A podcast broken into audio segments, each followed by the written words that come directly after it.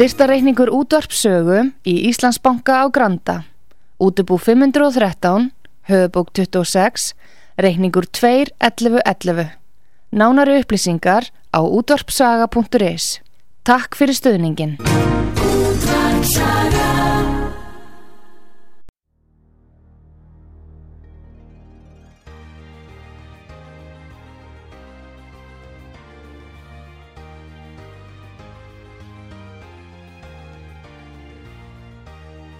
Heimsmálinn í umsjón Artrúðar Karlsdóttur.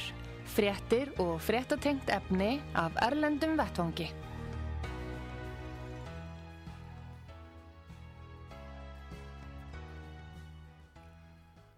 Komið þið sæl, Artrúður Karlsdóttir helsar ykkur í heimsmálunum í dag verðum við í Rúslandi. Gerfa tilrönd til vopnas valdaráns í Rúslandi síðasta lögadag. Fretti bárast af því að þúsundir vagniliða gráir fyrir játnum væri á leið til Moskvu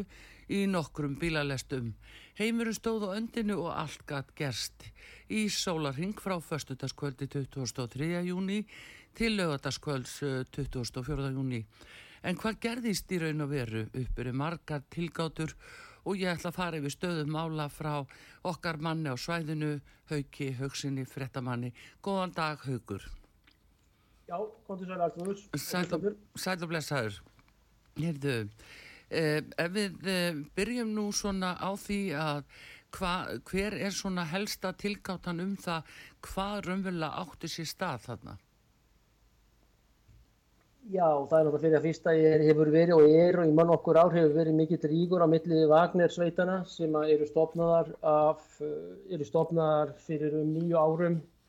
Er nú Útkinn, nokkur Dimitri Útkinn heitir hann, Já. sem er enda 10 árum yngri en Prígósin. Útkinn er fættur 71 en, en Prígósin er fættur 61. Stopnar þetta og er svona manneskja bak við tjöldin með Vagner og kemur hverki fram, er mjög leindur maður, var í rúsnarska hernum, hefur verið í Sílandi, Afganistan, hingað þangað og þjónað vel á lengi, og svo má segja, fyrir rúsnarska herin. Og er yfirmaður í Grú, GRU, hann er grúsník, grúmaður. GRU er glavrazviet upravljenja, þar að segja leinithumsta rúsneska hersins og leinithumsta sovjerska hersins hér áður fyrr. Mm. Mjög vel upplugt batteri og einu upplugasta leinithumsta sem að sögur fara af. En uh, Prigozhin, Yevgeni Prigozhin, uh, hann er fættur 1. júni 61 í Leningrad, -hmm. að hann er andlitið á bakið Vagner og er, er sá sem er í frontunum á Vagner og hefur látið sig mikið í frammi síðustu vikur og mánuð og ár og allt þetta að hann hefur sakað Sergei Sjægú, eh, varnarbarnaráttara Pútins í rauninni,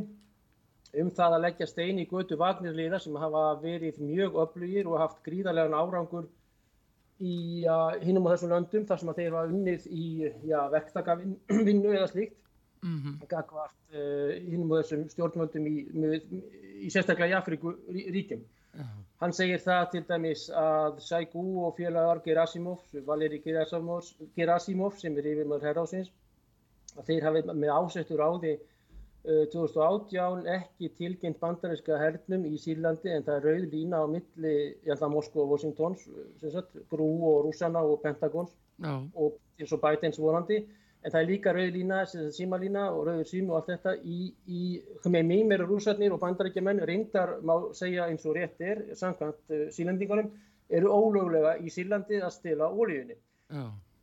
og það er gert og það fyrir ekkert í enginn launkofa með það sem að vita og allir vita og Rauterinn talar aldrei um þetta eða Rúf eða aðri sérfræðingar. Að uh, þá var sér sagt, aðgerð sem að rúsarnir áttu að láta bandarækjumenn vita af alla herflutninga að Gerasimov félagar hafa ekki tilkynnt til þess að bandrækjari menn myndu drepa helling af Wagner-liðum 2018 í Smefri. Þetta er mjög arabist erfitt orð sem sett, þetta er februar á því ári. Og það, það á að hafa verið gert sérstaklega til þess að eh, minka þennan gríðal árangur sem Wagner-liður hafa sínt og gert í Sýrlandi þegar Björguð Palmíru til dæmis, þegar rúsa mistuð hana aftur, gríðala falleg og merkileg borg í Sýrlandi og vakka kristninar er nú þarna og allt þetta og ISIS með hjálp ákveðina vestræðna voru að útrýma kristnum og allt þetta. Síðan er það sem upphafið að við snúum okkur aftur aftur að því sem þú ert að byrja þess að engi þess að... Haugur, ég ætla kannski aðeins að spyrja þið meira út í þessa vagnisveit þegar hún var í mitt í Sýrlandi voru þeir ekki kallaði slátrararnir? Það var löst að breska um BBC og CNN og, og NBC og svolítið miðlum en þeir koma þarna að eigin sögn og lögfræðilega séð þeir í sammála því að það komaði löglega inn í landi fá vísa og turistægisa eða, eða verkefnisvísum eða, eða áriðun vegna bóðs stjórnvalda í Damaskus sem að ég hafa löglega og lög, lögfræði og lögsögu yfir sílensku landsveiði. Þannig þeir koma þar til þess að berjast gegn ISIS og Al-Qaida og öðrum sveitum sem að lengt og ljóst hafa verið stuttar af uppröstnaröflum af mjög sterkum leginni þjónustum til þess að koma að Bashar al-Assad fórseta rétt kjörnum af flestra mati, fórseta sílenska arabíska líðverðisins, Syrian Arabic Republic. En var, ekki, var það ekki nokkuð... Og þeir, þeir ásamt Putin berga honum, það er rétt að. Já, var það ekki ymmit bara við, sko almennt tali að þeir hefðu bóstalega drefið allt sem fyrir þeim var? Þeir börðist vist og hrest gegn uh, þessum ISIS uh, leið liði eða líð eða hvernig það er sem, er, sem, sagt, sem er, voru miklir grindarsækir í þessum stöðum sem að heimafólk vildi, vildi ekki neitt með hafa í rauninni. Þó að sé sagt að einhverju kvíthjálmar sem er nú sveit, Egil Helgason kallar hana hetju rústur, björgunar sveita rústinn, þetta er samtök sem er stopniður af MI6, Military Intelligence Service, eh, Military, Military Intelligence í London, Section 6 sem er MI6 með brekkar hinn í þjónustan á manni sem er síðan dó með ynginum hætti í Ístanbul. Já. Þetta var sveit sem að fyrst og fremst var að vinna gegn gagvart kamerum vestrætna fréttamanna og var feik eftir feik eða hérna, síndar, síndarmyndir og settu upp, mikil sett upp hjá þeim fyrir ellendar fréttastofur. Og það var alveg sannað að þær myndir voru, sagt, og við rættum það þegar það var. En þeir vagnirarnir sem höldum okkur við efni að þeir voru í því að berjast og þeir börðust og þetta eru ótrúlega hardir bardagamenn mjög öfluglega og þeir settu þessast menni nýður þegar úsneski hérni var komin í vandræði vegna, vegna þess að Gerasi og Sjóiku, uh, Sergei, hann kallar á vagnirliðana til þess að bjarga hjálpa í Sýrlandi. Já. Já, það er að gera, jú, það er mjög mörg Það er akkurat máli vegna þess að, að það sem vekur aðtikli í þessu haugur er að nú var eh, Príkósinn hafa búin að kvarta um, nokkurt skeið í marga vekur undan því að hann fengi ekki vopn og kendi varnamálar á þeirra rúslas um það og Putin líka Já, já, í rauninu reyndar hittir Príkósinn Putin fyrir svona tíu dögum hérna í Moskvu, það er staðfest held ég, það er alveg staðfest núna og ja, hann, hafi, hann var með mjög harðar yfirlýsingar, hann var á Telegram sem, sagt, sem er samfélagsmiðil, eh, hljóðupptökur og, og svo bref og símu og hann var mjög vinsall að pressa allar að landa var að ná í hann og hann svaraði alltaf og er svona, hann er svona alltilegur í sér og, og talar mjög skemmtilega á allt þetta, mann reyndur að kunna málið og er ekkert að fara í gravgötur og hann er svona ólíkur hinnum náungunum en, eh, en hérna, já það er rétt að, að eh, hann segir að Sjóiku hafi ekki látið sig fá uh, uh, herrgögn og skotfæri í hinnum gríðarlega bar, greimu bardögum sem að voru í sjö mánuði í, í, hérna, í Bakmút eða, eða Artjómos. Já. Það held ég sé að einhver leiti, hann kannski íkir einhver starf rétt hjá honum vegna þess að þá segir hann að Geirasimov og þessi menn sem að, hann segir að þurfi til að komast í vinnugýrin að drekka eitt glas af vodka í vinnunni reyndar á mótnana og allt um leiðindi kannski en kannski eitthvað til í því. Til út af afbliði sem er bara sjálf úr síð að, að hérna til þess að, að hérna vagnarnir myndu ekki geta uh, lift sínum fánum sem er ekki rúsneski fánin í, í, í Bakmút en það voru fyrst og fremst vagnarnir sem unnu Bakmút og þá björguðu þeir rúsneska hernum og þetta er alveg rétt á þeirra alþrúður að að uh, hann sakaði þá og Putin í reyðinni reyndar um að þetta veri sér sabotas gegn rúsneskum hagsmunum, fyrst og fremst þjóðarhagsmunum og svo sínum sveitum. Já, en var það ekki samt sko, það hlýtur að vekja aðteglu og vera, búið að vera hugarefni margra, á hverju vildur ekki láta hann og þessa sveit, vagnisveitina, hafa meira af opnum? Uh, var það kannski vegna þess þeir vissu að þeir væru uh, svo mannskæðir að þeir myndur reyðlega skjóta á allt sem fyrir væri.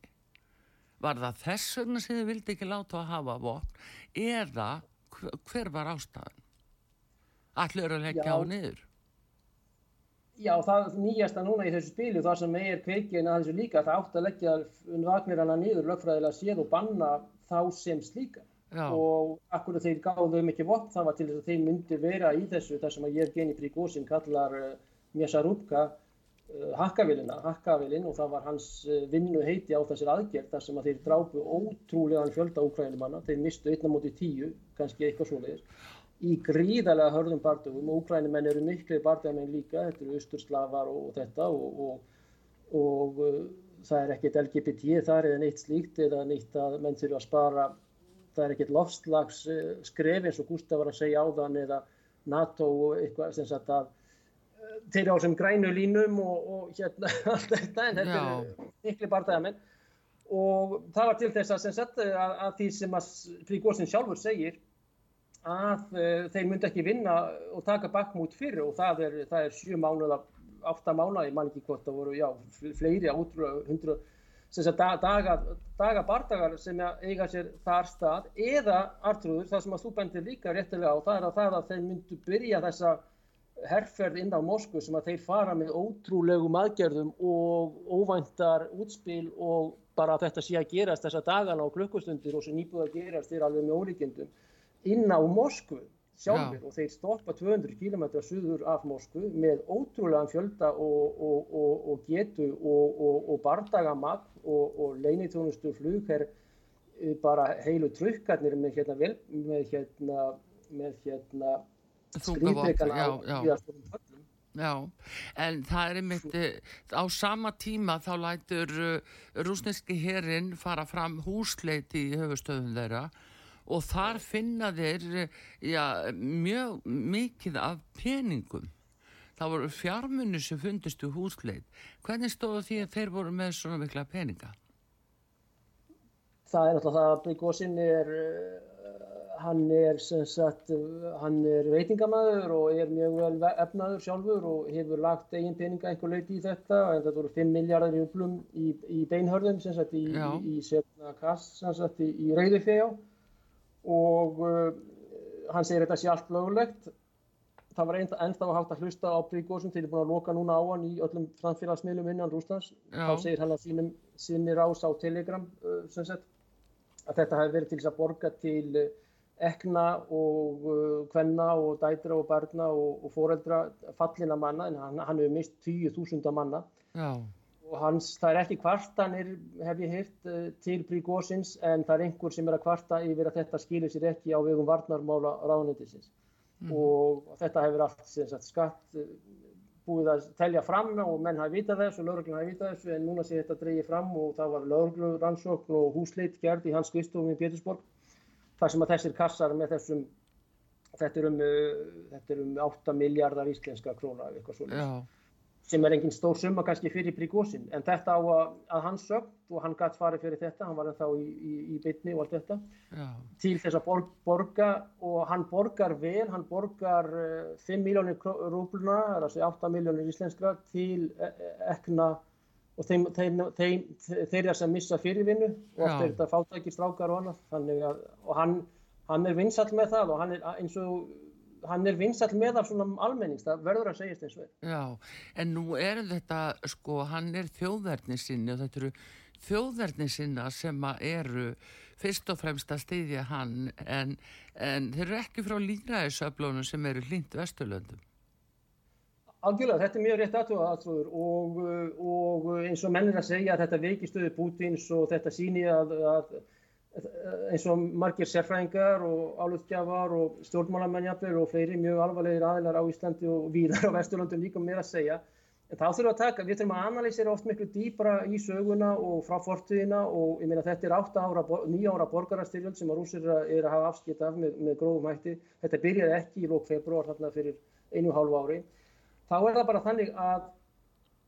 uh, hérna já, þessi punktur, þannig hann er sá að uh, þessi anstaða við Pútín, hún er frá þjóðurnisliðinni, hún er frá uh, vin, já, vinstri eða hægri sem er náttúrulega kannski erfitt að segja í rústastum pólitík í dag, mm -hmm. en hún er frá þjóðurnis, hún er frá kommunistiskum öflum, hún er frá sovjetnostalgíu og þjóðverðnis og nationalistunum og sem að myndi auðvitað þessu rít, rít á þessu hérna palítra eða, eða sem sagt í þessu rítrófi alveg akkurat Vesturlanda heita hægri en þá er þetta sem sagt gamlir kommunistar eða sem sagt þjóðverðnisina sem eru mjög nálægir kommunistunum núna sem er kannski óeðlegt í þessu klassískar rítrófi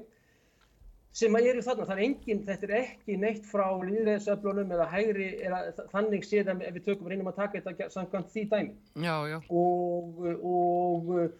þetta er fyrst og fremst og hans, hann segist vera fulltrúi alþjóðunar og alþjóði manna og allt þetta og, og, og hann er vinsat eins og ég sagði á hann í því, þeim kræsum og hinn talar um elítu, spilta elítu og óhreina elítu sem að gengur nokkuð vel í massan en við erum að taka mjög vel með í reikningin að ef að hann hefði náð völdum og svo er eitt með hennan útkynn líka þeir voru víst kannski það er allt annan dæmi að, að, að það var stefnun að fara inn á Boris og Glebsk og ná þar yfir á kjarnarkuvopnin en fyrst erum að tala um þetta þá er þessi anstæða er frá massanum, frá óanægðum almenningi, kannski einhver leiti kúuðum, kannski það má segja slíkt orð. En þessi hægri eh, mótstaða eða stjórnarhanstæða og hún er í rauninni 0 og nix í Rúslandi vegna þess að reyngin og eða mjög fáur auðvitað einhverjir en flestir þeirra eru farnir úr landi og þá segja menna þetta sé, sé, já, það sé verið að filtra út eða það sé verið að síja síjun, góð síjun af sumra mati yeah. en hún, er öll, hún hefur ekkert neitt á bakvið sig núna svo anstæði sem að myndi vera í líðræðis áttina og sem að vill vera vínur Vesturlanda eða að þetta eru fólk sem að myndi varpa sprengju á, á, á London eða Keflaugustöðuna ef það gæti og mætti til þess að þannig að þess, þessi anstæða er algjörlega frá þessari hlýð og sumir er einhver að segja að þetta sé gegn Putin sem er ekki rétt vegna þess að þeir, eru, þeir vilja taka þetta í rauninni, þeir vilja leggja miklu meiri kraft í þessa styrjum sem að Putin byrja. Já, byrja, það er gott þú kemur inn á þetta haugur vegna þess að ég sá það í ymsum ellendu fjölmjölu núnum helgin og sérstaklega á lögadaginn þegar þetta var nú í þetta mikill í óvissu að þá vakti það aðtegli mín að, að menn voru bara, sko, þeim voru svo döðrættir ef honum tækist að fara þarna inn og inn í kreml og komast í kjarnarku byrðir og það, það bara fylgdi svona með sögunni að þá væri voðin vís bara fyrir heimsbyðina. Algjörlega. Það er alveg rétti að þér aðtrúður og, og Þetta voru fjórar eh, kalóna er að kalla eða bílalestir og eins og ég lísti með bara þyrlur yfir sér og, og, og, og þeir eru með á, hérna, á pallbílum þá er þetta ekki tójöturnar eins og í Arabólöndum mm -hmm. eins og Ísis notar þá eru pall, rúsneskir patriótar hérna UAZ gömlu rúsarnir nýja típa Já. og sem setta á þessum bílum en þetta voru fjórar bílalestir og einu var á, það, það var leið þrjár til Moskvu eftir M4, magistrál nr. 4, M4 Dól þjóðvegurinn sem er bara í hásöður frá Moskvu nýra á og vegalengdinn til Rostovs er, er, er 1100 km og hérna, en einn lestin, bílalestin sem ekki hefur komið fram, þar var Dimitri Utkinn sem er uh, höldumæðurinn á, á bakveg Vagner en uh, Prigozhin er í, í frontinum þá er á þeirra leið til uh, Gorod, sem sagt, Boris og Glebsk 45 Það er sem sagt Boris, Boris og Glebsk er borg í, í Varónis en Boris og Glebsk bandstrykk 45 er objekt, væginn military objekt. Já. Þar eru sem sagt kjartnorkuflaugar og kjartnorkustöð mikil á þeim slóðum og þeir stemdu þarna á Boris og Glebsk til þess að taka aðtiklina frá Moskvu uh, út í legunni og æfintýrun á, á Moskvu en uh, er ekki hleyft, þeir fara þarna fram hjá flugvelli og er að stefna inn á bara kjarnorkusvæði og fyrir góða, fyrir góða hakkara er hægt að hakka sig inn á rauðardakkan sem að Putin er alltaf með í, í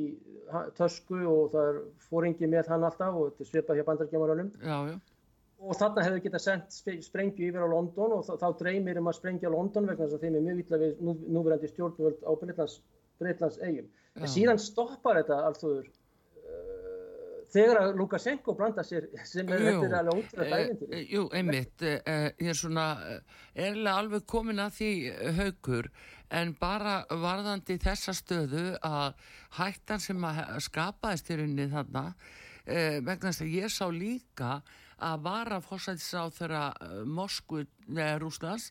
hann fór strax úr landum morgunin og það var líka sagt að vel Pútins hefði farið og horfið að ratsjá Eh, nú veit ég ekki hvort að það er rétt hvort að menn eru bara með svona opbókst eða öflug uh, viðbröð að þeir geta látið sér hverfa á staðnum eins og skoð en þetta var metið og augnabliki sem alveg gríðarlega hætta á því að þeir hefðu náða komast í kjartankugemslunar Já, já, já, já. Með, með flóta þá hætti ég það sem ég orðum, orðum ógið en hins vegar er það alveg rétt að það eru bankamenn og eilitumenn úr ólíkarkíinu ólíkarkartinu eða ólíkarkíunni sem að voru farnir að kaupa miða og það hækkaði gríðarlega verð á flugmiðum. Uh, menn fara núna til Ístanbúl uh, langmest og síðan inn á Evrópu og síðan heim vegna þess að Evrópa flýgur hvorki yfir eða inn á Rúsland. Já. Og þetta voru mest bankamenn. Ég held að Putin hafi ekki gert þetta, það er alls ekki hans stíl og ég þekki Putin ágætlega vel og hann hefði ekki gert það. Hann er með þetta ávart patna kl. 10 mótni sem er tekið upp kl. 8.30 saman morgun. Já. En þeir voru samt líka, þeir breyttu lögum um morgunin til þess að eh, styrkja herin og lögin fólu það í sér að það mætti leys út úr fangelsum og það, þeir voru gerðir að hermunum bara nánast á sama klukktíma. Þannig að það voru gríðarlega snör uh, viðbröð sem að þarna áttu sér stað á nokkrum klukkutímum. Já, já, já, já, og það voru einhver sem ætluði sér og reyndu og einhver kannski verið ykkur að flóið úr landi og, og, og náðu ná að gera það og með einhverja peninga með sér eitthvað sem það allt, allt verð, en þá er það kannski frekar svona bank, eh, business elitan og þeir sem ennþá eru frá, þeir, frá þeim sem að ólíkarki dæm, dæminu sem að kannski þurfa óttast einhver óhrina peninga eða eitthvað slíkt sem að þeir telja sig þurfa þá að, að láta sig hverfa úr landi og slíkt, slíkt. En, en það var panik í Moskvu sem sagt kominu upp og og auðvitað að stefna hingað inn á borgina gráur fyrir játnum mörg þúsund mann, manns í, í algjörum baráttu hug, rússi gegn rússa. Þannig að þetta hefði getið endað í algjöru bló, blóðbæði og borgarastíð Já, já, en aðeins það hugur að ég myndi í sambandi við þetta nú er það herráðið í Rúslandi sem að, að stýri nú mikið aðgerðum, þannig ekki satt. Uh, það hefur hafa verið svona allavega einhverja rattir innan herrásins þegar að verið óanæg með það að Putin hafi ekki verið með öfluri algerðir í Úkrænu til þess að beita sér enn meira og vera með fleiri vopn. Er möguleika á því að Prigossin og Vagnirhópurinn hafi verið með einhverja velvild úr herráðinu sem bara vildaður gerðu þetta? Ég held að það sé alveg klart mál og, og, og, og það hjá óbreyttum og hjá svona almenningi að þá hefur hann ákveðina samstöðu eða allt þetta í þá áttina og uh, auðvitað líka bara gagvart lögum og annað í landinu og reglum að þá, ég meina ef ég kaupi mér hérna veiðir í fyrir eða hníf sem er eitthvað lengri en 20 cm og veiðinhníf eða haglara eða ekki síst afsagaðan eða Makarov skambis og eitthvað slíkt þá er ég komin í hérna, þeir þurfa reyndir að sleppa mér á sama sólarring og allt þetta. En þarna erum við að tala um annað eins eh, viðbúnað og, og her sagt, viðveru og annað að, að auðvitað hefur hann fengið þetta frá vesmiðunum í, ekkert í gegnum eða framhjá einhverjum samningum sem varnamálarándið sem heldur þessum smiðum uppi þannig en hann hefur fengið þetta frá þeim og, og hann hefur bjargað rúsneska hernum frá óförum oftar en einu sinni innanlands og utan og sérstaklega utan og þeir kalla Lugansk og Donetsk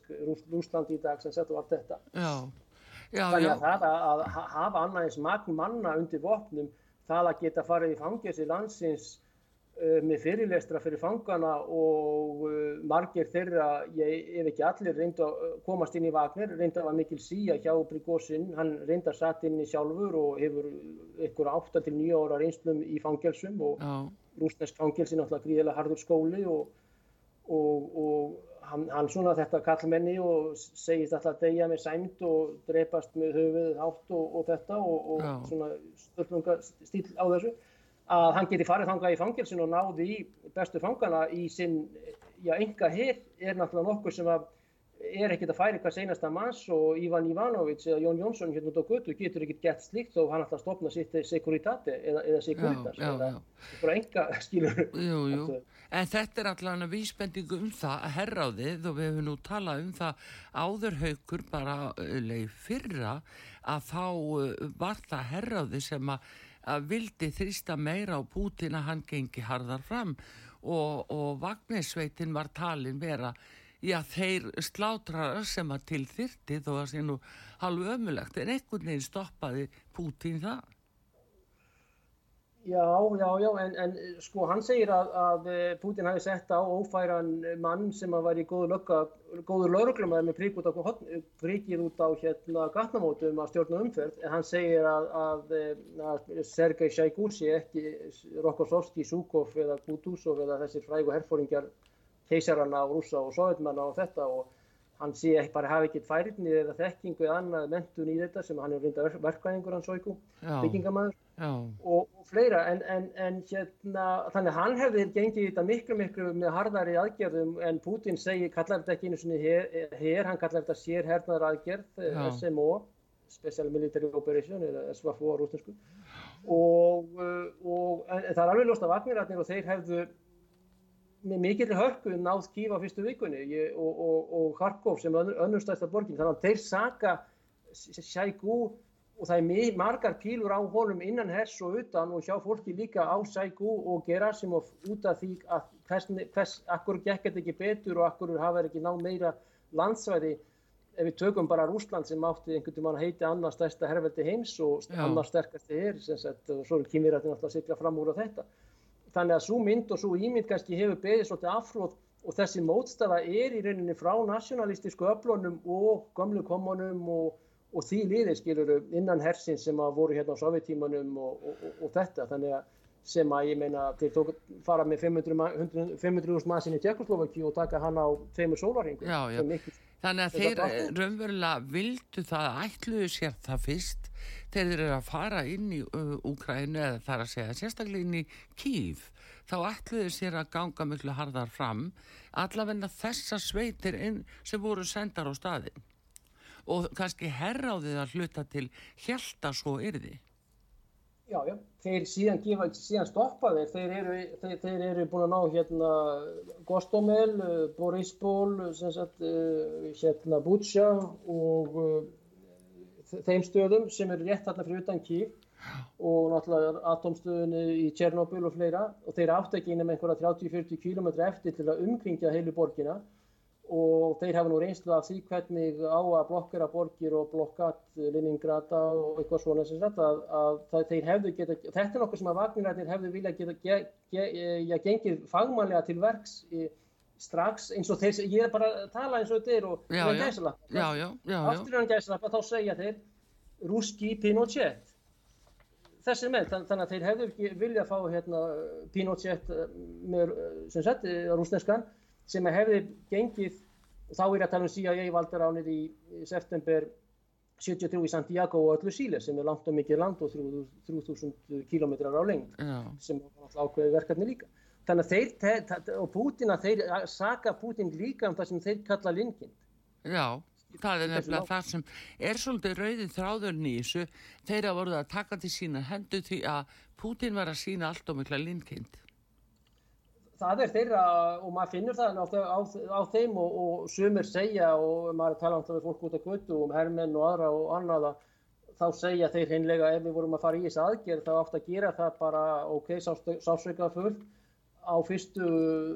vikunum, dögunum, klukkustundinum og allt þetta, gangi þetta mál, ok, Selenski hefði farið til Svíþjóðar eða flóið ná að fljúa til Varsjár eða hvers sem er, uh. en uh, þá hefði geta sett sína stjórn á, leppstjórn eða ekki leppstjórn og annað og, og, og þetta í kænugari í Kív sem er nú upp að spór grúsneskrar ríkisins og allt þetta sem er náttúrulega gömul og saga og ekki tækt að fyrir sér bak við það kannski en, en eh, fyrsta ákveðu var að fara í þess aðgerð og þeir segja að þetta hafi verið nöðsynlegt að skipta sér af þessari borgarastyrjöld sem er náttúrulega proxy stríð og er búið að vera proxy stríð öll þessi nýju ár núna, nýju hálft ár eitthvað svoleiðis, frá me, með, meðal NATO-landana og bandaríkinn alltaf fyrst og fremst í broti fylkingar og demokrataflokkurinn og bætinn núna sem sett gegn, gegn rúsum og rúsneskum hagsmunum. Og vegna þess að NATO og öllnuríki þau vildu aldrei ræða það sem þeir voru búinir að fara fram á krefjast og annað frá 1991 um það frá fallið Sovjeturíki 92 skulum við segja, Lavrov og reyndar kemur Lavrov aðeins síðan að það erði rætt um öryggisbelti í miðri Európu og, og, og, og þetta er sagt, það sem var alltaf, alltaf hundsað af öllu Europasambandinu, öllu NATO og ekki síst bandarísku flokkonum og ekki síst af meðan dyrnákratar voru við völd undir Obama og síðan Biden sem var hans orðanfórseti. Þetta tók hlið á, á tímum Trumps já. frá 16 til 20. Já, já, jú, jú. Það er nú þetta sem er að hérna um, svona vekur aðtegli og eins líka þetta að þessi vísbendingum að að Pútin hafi ekki vilja hleypa þeim á flegi ferð þarna á, á þeim þunga sem þeir vildu fara.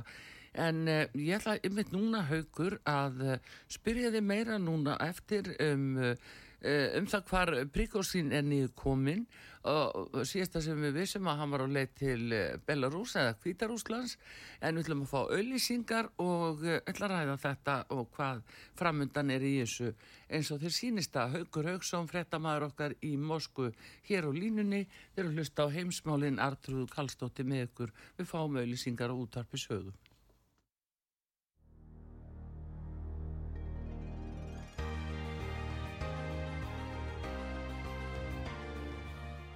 Komið þið sæl aftur eh, heimsmálinn hér eh, frá Rúslandi. Arturður Kallstóttir að tala við Haug Haugsson, fréttamann sem er á staðnum. Nú Haugur, eh, við ætlum að fara að ræða um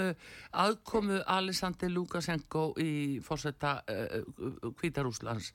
Uh, Príkosín hann er sagður vera á leið þangað og uh, það var gert þetta samkómulag. Hvað segir okkur um stöðuna? Hvað er Príkosín stattur?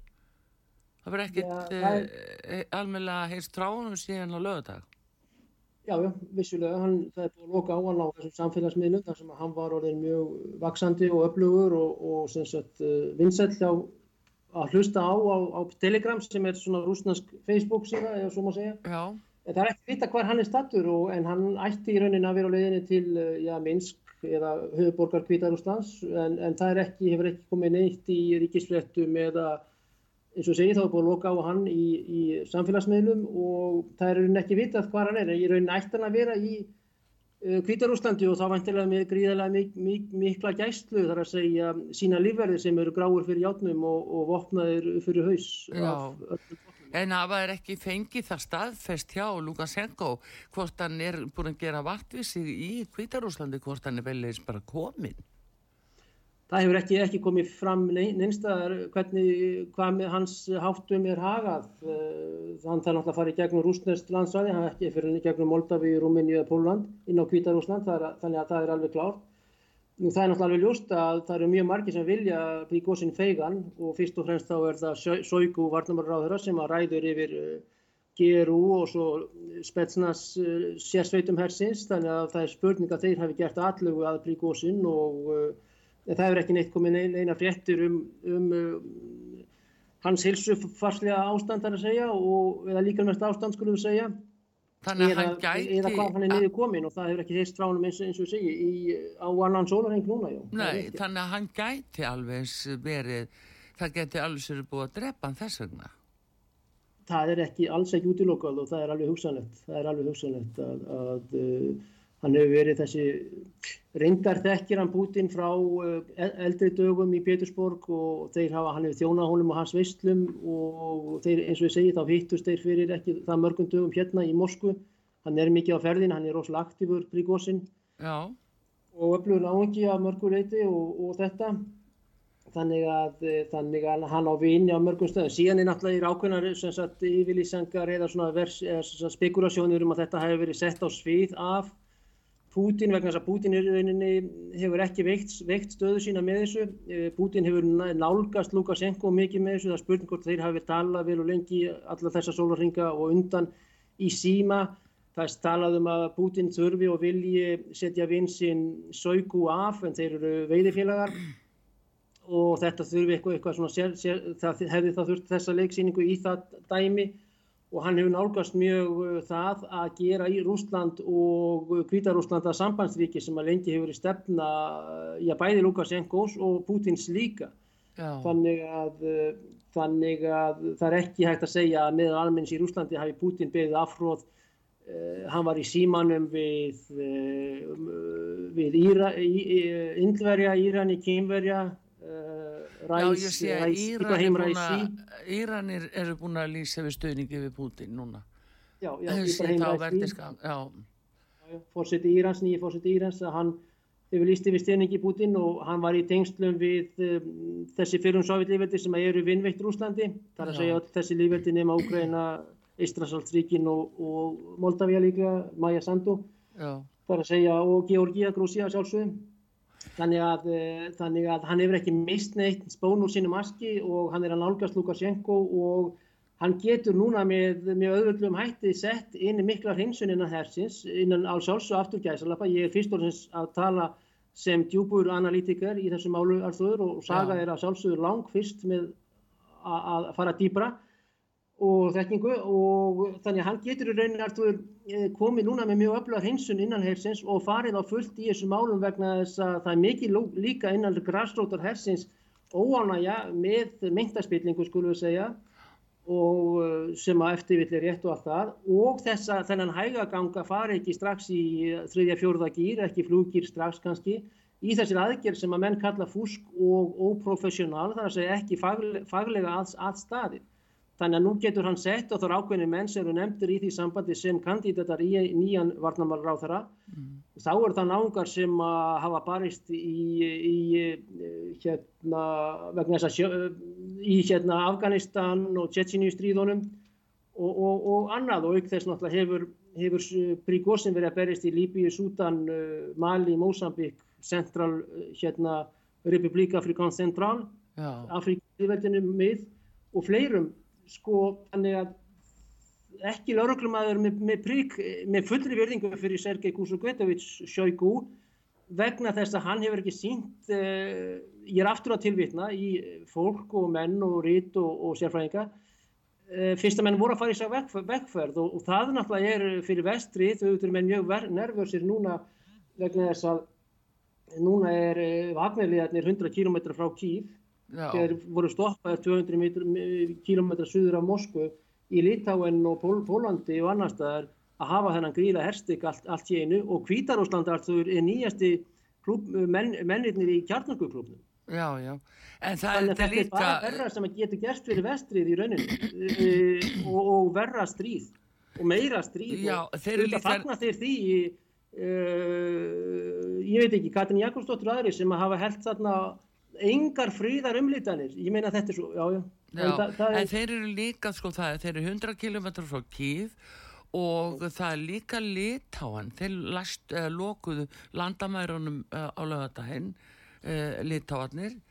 og þar er líka mikið uppnám, þannig að menn veit ekki deila sko á hverju er von núna. Já, Príkósin hefur sagt í sinnum yfirlýsingum að þeir þurfi bara að hjóla í þetta og fara til uh, hérna, uh, Berlínar og Varsjár og, og, og ganga í þetta fullum krafti eins og hann segir mm. aftur til vittunum vissulega og hann er alls ekki að neinum hérna, hugleðingum um það að hefja einhverja frið, friðarviðræður. Nei, nei ekki síst við Selenski Nei, nei, það er þetta sem er sko uh, óhugnarlegasta í þessu að, að, að finnst manni maður að lesa á milli línana í því að það bara er ákveðið að láta hann ekki hafa þau vopp sem hann uh, óskar eftir að fá til þess að kannski að stoppa þetta óbáslega óbeldi sem hann er tilbúin að beita.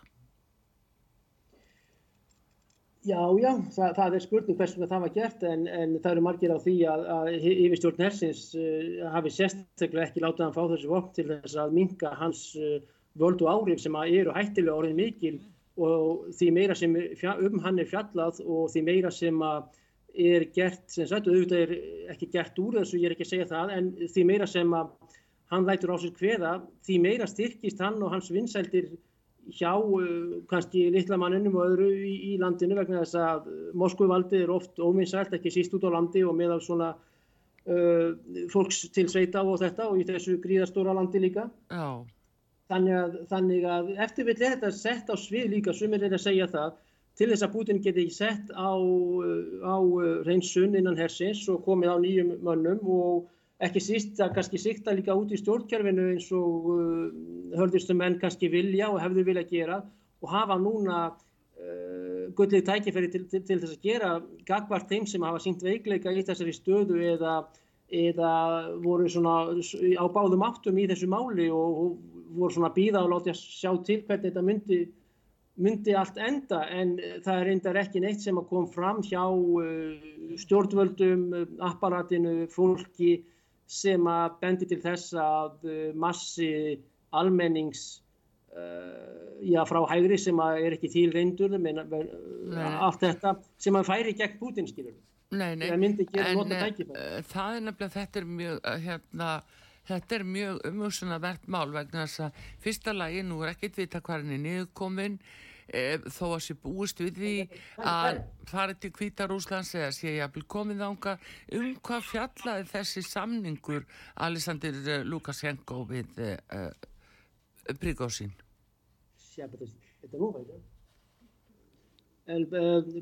Príkósinn ég get nú ekki líðist hann er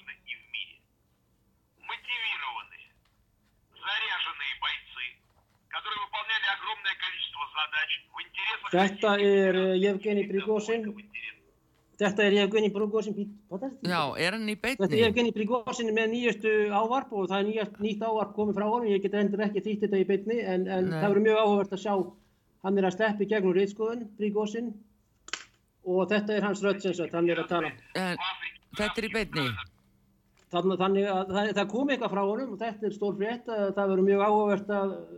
hlusta á þessu upptöku þegar við erum búinn og, og Já, þannig að hann sér- er komin í loftið. Já, spurning hvort að hann sé aftur að uh, hvetja til uppreisnar en, en þetta er stór frétt, kona mín var að koma með þetta, Írína, uh, í síman heyrðu, og það verður mjög að en sérðu hann er búin að tegja í þannig að Já, hvar er, sérðu, eða sjáu því hvar hann er niðurkomin? uh, Var Þú konaðin veit búin að- að sjá það? nú er ég að spyrja hana bara í breyst Já, allt í lagi, við uh, fylgjumst með núna að Príkosinn er að láta í sér heyra núna og hann er búin að vera, uh, já, minnskosti þögull og er ekki komist inn á samfélagsmiðla eins og Haugur segir, þannig að hann hefur ekki geta látið frá sér heyra en ekki alveg vita hvort hann er komið til Kvítarúslands eða hvað er, uh, hvað hann er stattur. Já, mér skilst að það kom ekki fram í þessu myndband eða þessari hljóðupptöku hann segir það ekki. Segir hann eitthvað hvað hann segir? Já, hann, ég náði bara ekki, hérna, nú er síminn farin frá mér, en, en hérna getur hlutirnir að gerast í beinni, en, en eh, hann talaði um Afríku og Asíu, þeir hafa verið í Afríkulöndum, þá að berjast gegn, uh, já, stóru fyrirtækjum og transnational corporations og hann kallar, hann er, segist verið mjög sósialistiskum aðgerðum í Afríku gegn anti, anti-imperialistiskum svæðum. Nú fórseti Mali, hann hefur í- beðið, uh, maður ekki hvað hann heitir í byli, uh, saminnið þjóðunar að fara á brott með uh, friðagjastalið saminnið þjóðuna, þar sem hann segir að þeir séu að venda þá vestmið eigendur sem að eru að drekka blóðið úr Afrikumannum og hafa gert það í 500 Já, ár. en getur verið- að ymmit í þessu samkomulagi sem var gert að hún, hann fær vend og, og sakar uppgjöf og Mhm. vagnir hópurinn allur uh, þrátt fyrir að Putin hafi líst yfir um morguninn mjög ákveðið að, að ef að menn væru komnir í þær stellingar að fremja landráð að þá þyrfti sannlega að svara fyrir það nokkrum klukkutímum síðar þá allt í henni kemur sakar uppgjöf Uh, eitthvað hangir á spýtin í þessu samkomulagi. Uh, spurningin er haukur. Er uh, felst að ná það að fara í útlegg til Kvítarúslands eða verður hann sendu til Suður Afríku á sína slóðir? Það er spurning hvort hann fari, hann alltaf hefur frjálsar hendur og vendilega þegar hann komið til Lukashenko og svo getur farið þá flóið frá Minsk til uh, líklega einhver Araparíkja þegar haldi uppi tengstum eða milli Moskvu, þannig bara í transitt já, og inn á miðafríku og uh, hann í þessu, þessu stuttu griftu sem að ég náði að hlusta á þá talar hann um Afríku, Asi og Suður Ameríku hann sé í, sem sagt í uh, já, herrferð gegn vestrannum hagsmunum sem að þessar TNC Transnational Corporation og stórfyrirtæki og þessi gríðarlega uh, uh, já, auðvaldið allt þetta, hann er í herrferð gegn þeim. Hvort hann komist tangað yfir en hvort hann ætlar að vera sér í Minsk. En ég held að Bríkósin eigi uh, við eigum eftir að hlusta á hann meira þeir leifa held ég ekki að dreipa hann allavega ekki eins og staðan er núna nema einhver kannski öllrifar á taki til.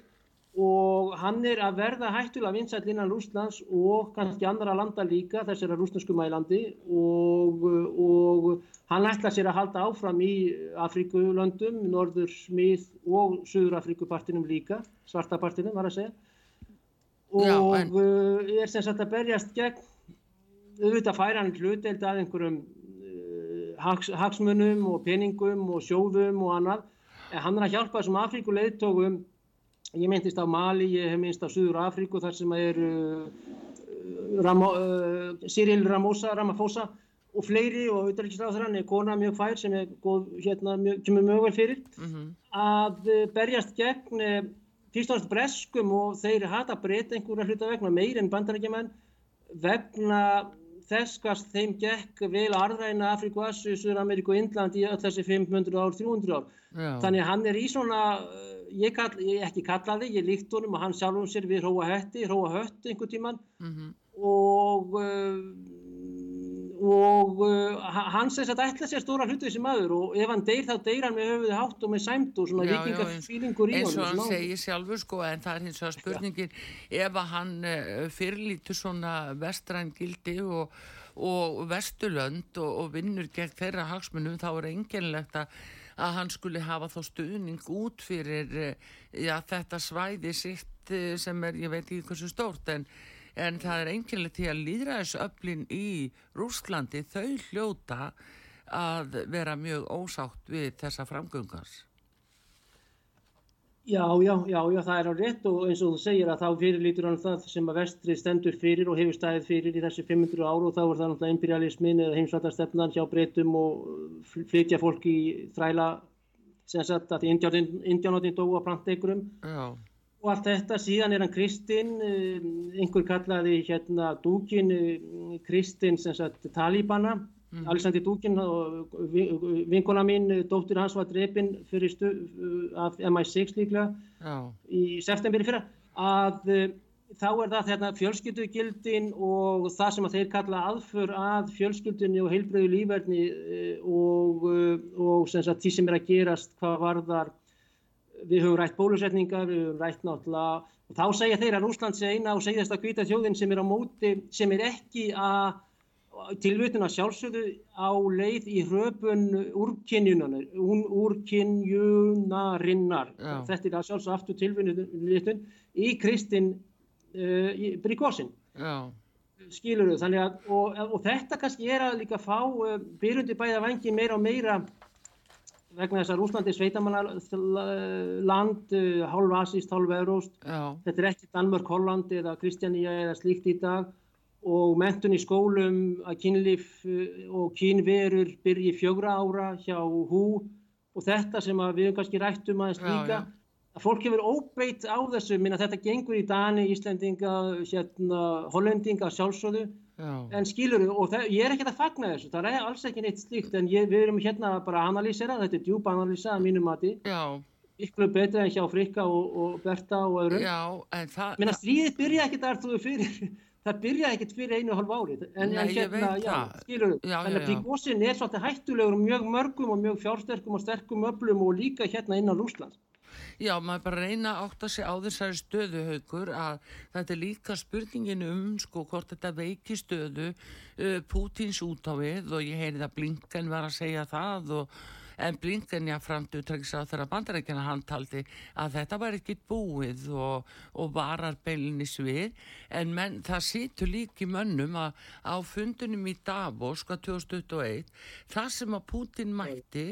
en þá líst hann því yfir að hann ætlaði ekki að taka þátt í þessum aðgerðum Vesturlanda, The Great Reset og svo framvegis. Hann ætlaði ekki að umbylta þjóðfélagunum og, og þannig að þessin er svo skrítið að, að, að príkósin komi allt í hennu upp með þetta. Já, já, þetta er bara, hann er náttúrulega, hann er náttúrulega bara klókur líka áróðusmaður og hann finnur mjög vel ströyma og stefnur í þjóðfélaginu og fílingu eða tilfinningar og annað hjá fólki og auðvitað er hann klókur pér maður og þetta er þræl dugluðu náungi og, og hérna mm, sefur greinlega lítið og ótrúlega þetta og, og hérna, hann er byltingamæður 21. aldar ákveðinu leiti og hversu, ég minna Tjekki var var dreipin af Sía í Bólivíu uh, og þetta, en hversu uh, ég meina leinuþjónustutnar til dæmis kanadnir og, og, og frakkar og þjóðverjar, þeir segjast að hafa vitað af þessu og, og vara menn við þá eru þeir að þá er það CIA og NB, uh, BND og fleiri. Já, og hafi ma- vara menn við í Washington og Moskú jafnvel sjálfur en þarna held ég að þeir, eh, þessir náungar í leinithjónustum Vesturlanda séu að reyna að gera sér prík sem að þeir eiga kannski ekki skilið og uh, líka að þeir hafi haft einhver áhrif bak við tjöldin. Þó er það alveg hugsanlegt að uh, SIA sem er náttúrulega upplifast að leinithjónustu heims og hinnar 17 Uh, ANB er svo næ- nýjasta, Ag- Agency for National uh, Security, já, uh, ok, geti kynnt á réttum tíma með olju, dollurum á ákveðna elda, ákveðna persónulega elda og metnað og láti príkvosin í þess átrúlega aðgerð. Þa, það, minna, það er alls ekkit útilokað að slíkt hafi gerst og, og auðvitað eru með hellinga agentum allar rúsneskum landi og, og menn sem eru mjög vel mentaður og þjálfaðir og, og ég myndist á Santiago 73 og svona Já, og, já. og Pinochet, Pinochet. Þetta skilur við. Já, einmitt, en það er einmitt haugur svona síðustu að þá hérna er auðvitað núna alla helgina búið að vera gríðaleg umræða farið ofan í eh, alls konar mál og sem að tengjast þessu og bara innrásinni eh, og öllu því. Og, og meðal annars haugur þar sá ég að kom fram að eh, það væri fulleilt núna að áður en að rússandir hefur farið inn þarna 2021 að þá hefði þeir gert uh, sí uh, fórsetta Kína viðvart. Og hann hefði vitað um það að rússarnir ætluð inn í Ukrænu. Já. Þetta er alveg rétt jáður, þetta er februar 22 og þá hérna e- eiga þeir fund fjórða þess mánuðar. Síðan 17. þess mánuðar að þá kemur hérna hann uh, Vladimir Zelenski eða Volodymyr Já, á München ráðstöfninni. Putin kemur til dæmis á München ráðstöfnina 2007 og með alveg tímamóta ræðu og það er Já. algjört sjokk sem að menn eru þar fyrir. En, en, en hérna, og síðan 24. februar 22 þá fara rússarnir hérna inn í Ukraínu og Xi Jinping, formaður ríkisásins og, og Xi formaður, já, að ég tel það algjörlega klárt að þeir eru í það góðum tengslum. Við sjáum mjög kaldan mótíkur í Beijing, gagvart Úrsúlu, gagvart já og eh, Blinken og bandarækjamannum. alveg kláruleg, alveg Já. kláruleg og þá er náttúrulega Tævann spilið.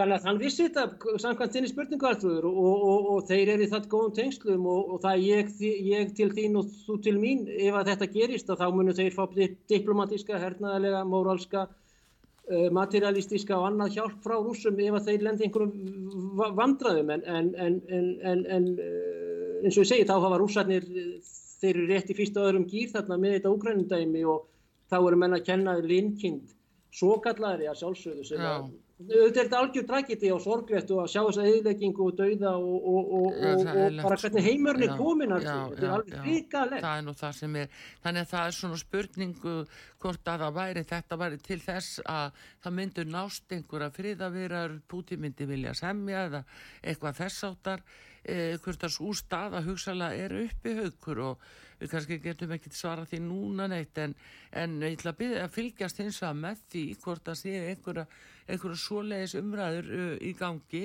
og einst líka hvað segir Alexander Lukashenko fórseti Kvítarúslands að hann hlýtur að hafa spil á hendi núna út af uh, Prigozín. Já, þeir ætla sér stóra hluti. Grí- Lukashenko náttúrulega er talsveit yngri en Putin en þeir þurfa sang- allavega hann að fara að segja, allavega ef að þeir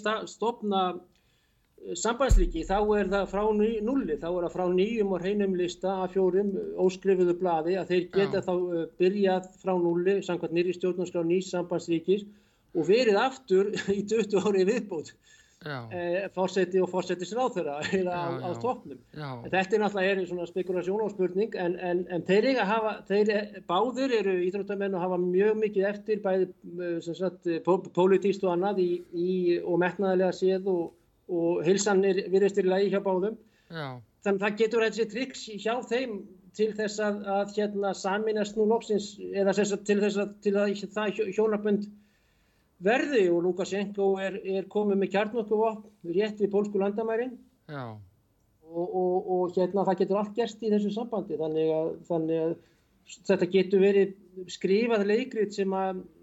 já, hinga til er að ganga upp en, en getur allt gerst til þess að ganga ekki heldur upp. Þannig að það sem á eftir að gerast er, er afar merkilegt líka. Já, það er nefnilega það. Heyrðu, við höldum sannlega áfram að fylgjast með þessu Haugur Haugsson, frettamar okkur í Mosku. Bestu þakki fyrir uh, þetta og uh, vonum að það gangi allt vel hjá þér og þú verður ekki neittni hættu. En takk bara takk fyrir aftur maður bara er í hættulegri vinnu alltaf minn og það bara kemur sem er og maður bara liðir með höfuð átt og, og, og drefst þá bara þannig, það er ekkert Já, þú verður eins og brík og sín, já, já. Glæslega Já, takk fyrir, já, Artrúð Kallstóttir þakkar ykkur fyrir og takk nefnir í útsendingunni Bræði Reyninsson, verið þið sæl